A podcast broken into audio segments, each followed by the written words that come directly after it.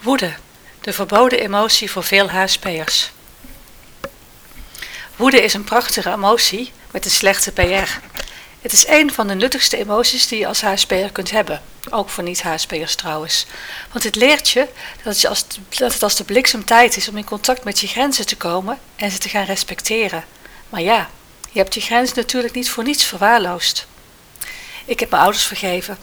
Als ik voor elke keer dat ik die uitspraak van een cliënt gehoord heb een euro zou krijgen, zou ik heel leuk uit eten kunnen.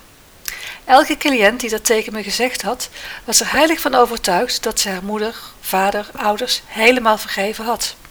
Ik niet. Ik geloof namelijk niet dat je iemand vergeven hebt als je stijf staat van woede. Opofferen. Mijn moeder was ontzettend goed in zichzelf opofferen. Zij at de laatste geputste appel uit de fruitschaal. Zij nam het oude brood en ik mocht dan het nieuwe verse hebben. Aan de ene kant was dat fijn, want lekkerder. Aan de andere kant leverde mij dat een voorbeeld op dat ik met mijn kinderblik interpreteerde als: als als je groot bent en je bent een vrouw, moet je jezelf opofferen voor anderen. Dat was geen aanlokkelijk vooruitzicht en ik heb er veel meer van verinnerlijkt dan me lief is. Het heeft me flink wat werk gekost om te kunnen zien dat vrouw zijn niet betekent dat ik er moet zijn voor anderen, dat ik zelf ook een persoon met het eigen leven, leven mag hebben, mag zijn. Verschillende kanten van hetzelfde thema. Ik dacht toen ik mijn eerste kind kreeg dat ik al klaar was met die overtuiging van opofferen en ascese. En toen kwam er ineens een totaal nieuwe kant van aan de orde, waar ik helemaal niet op bedacht was, maar waar ik flink vast, vast in zat. Ik bleek veel meer geïnternaliseerd en meegekregen te hebben dan ik dacht. En nu dat ik zelf een kind kreeg, werd dat programma ineens actief. Ruimte innemen, mezelf opofferen. Deze thema's waren weer helemaal aan de orde, want er was nu een nieuwe situatie ontstaan waarin ik mezelf moest uitvinden maar waarvan ik de voormoedelijke programma's had meegekregen. En die dienden me zeer regelmatig niet. Ze zijn ook niet het voorbeeld dat ik me wil geven aan mijn kinderen. Voor mijn kinderen ben ik altijd moeder, maar voor mezelf ben ik meer dan dat. Ik ben een vrouw met een eigen leven dat breder is dan mijn kinderen. Voor mijn kinderen betekent dat dat ze een moeder hebben die een eigen leven heeft, met eigen verlangens en eigen wensen. Iets dat ik in mijn familie toen ik kind was niet veel zag. Voormoedererfenis. Zo'n voormoeder- of voorvadererfenis kan heel hardnekkig zijn en soms lastig te zien, omdat je het als heel gewoon en vanzelfsprekend hebt meegekregen dat je zo leeft. Je losmaken ervan kan een flinke klus zijn. Bij mij begint het meestal dat ik merk dat ik kwaad ben. Het duurt soms een tijdje voor ik er goed bij kan en voor ik weet op wie.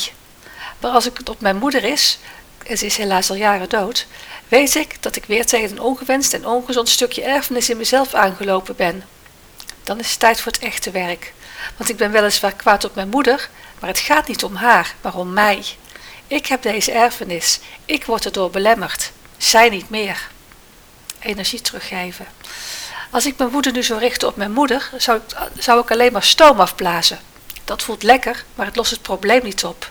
Wat nodig is, is dat ik naar binnen ga en dat ik die energieblokkade van de, van de gekoppelde ongezonde overtuiging gevonden heb en daarmee aan de slag ga.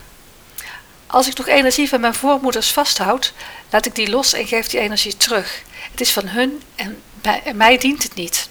Vervolgens kijk ik wat de overtuiging is die hieraan gekoppeld is. Wat geloof ik? En klopt dit nog? Dient het mij? Vaak is het met loslaten van de niet-eigen energie al beweging gekomen. Dan kan ik zien dat het niet is dat ik wezenlijk goed geloof, maar wat ik aangeleerd heb gekregen. Hoe meer die overtuiging oplost, hoe meer ruimte ik terugkrijg voor wie ik werkelijk ben. Dat is meestal ook het moment dat ik de woede vanzelf loslaat, want de boodschap is gehoord en begrepen.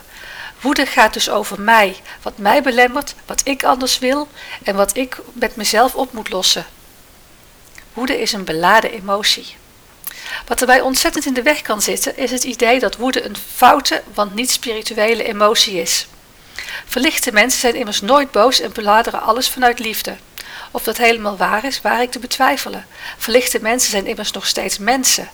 Maar stel dat het waar is, dan is dat niet omdat ze het vermogen om boos te zijn verloren hebben, maar omdat ze zo in contact zijn met wie ze in wezen zijn, dat ze daar of geen belemmeringen meer hebben, of meteen aan de slag gaan met de belemmering zelf. Wat ook in de weg kan zitten, is dat woede geen gemakkelijke emotie is. Zeker niet als je moeite hebt met nee zeggen, want woede is je nee. Woede is je signaal dat jij ruimte opgeeft wat voor jou niet gezond is. Maar als je dat doet, heb je daar altijd een reden voor. Omdat ja zeggen je veiligheid geeft of voor harmonie zorgt. Als je je woede kanaliseert, zet je een verandering in gang. Jij verandert en dus je acties in de buitenwereld ook. Er kunnen nu verdedigingsmechanismen in jezelf wakker worden die in het oude vertrouwde willen houden. Dat is veilig.